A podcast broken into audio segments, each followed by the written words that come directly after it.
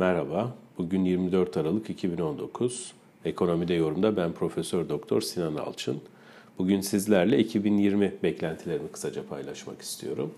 Ee, Noel ile birlikte yurt dışı piyasalar e, durağanlığa girmiş durumda. Yeni yıla kadar da bu böyle devam edecek.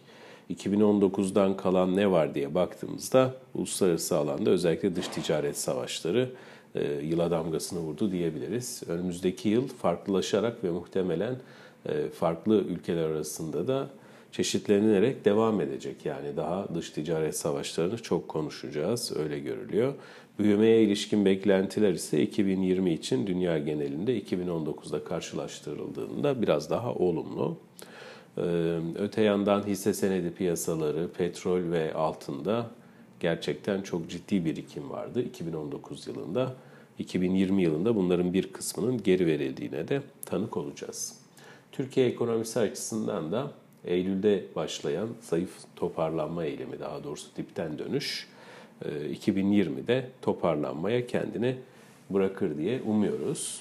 2020 sonu itibariyle birkaç veri üzerinden beklentimi paylaşmak istiyorum. Tabii bugünkü koşulları düşündüğümüzde ekstra bir siyasi risk ortaya çıkarsa ya da tam tersine iyileşme e, bu rakamların revize edilmesi gerekir. Fakat bugün yani 24 Aralık 2019'da durduğumda 24 Aralık 2020 ya da 31 Aralık 2020'de neler görüyorum?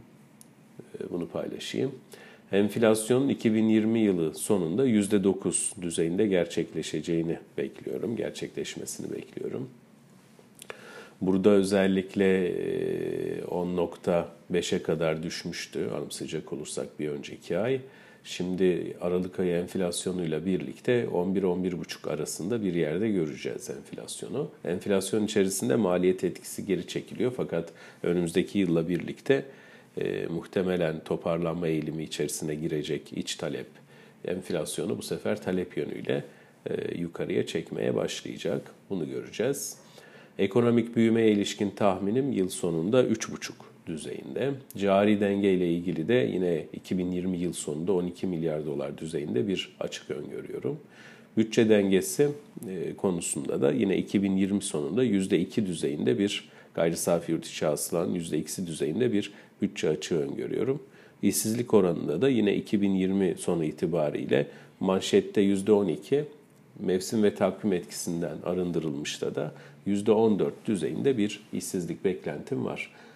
E, dolar kuruna ilişkin olarak da 2020 sonu itibariyle 6.45'lik bir dolar kuru beklentim var. Hepinize şimdiden e, mutlu, sağlıklı, başarılı bir yıl diliyorum. Görüşmek dileğiyle.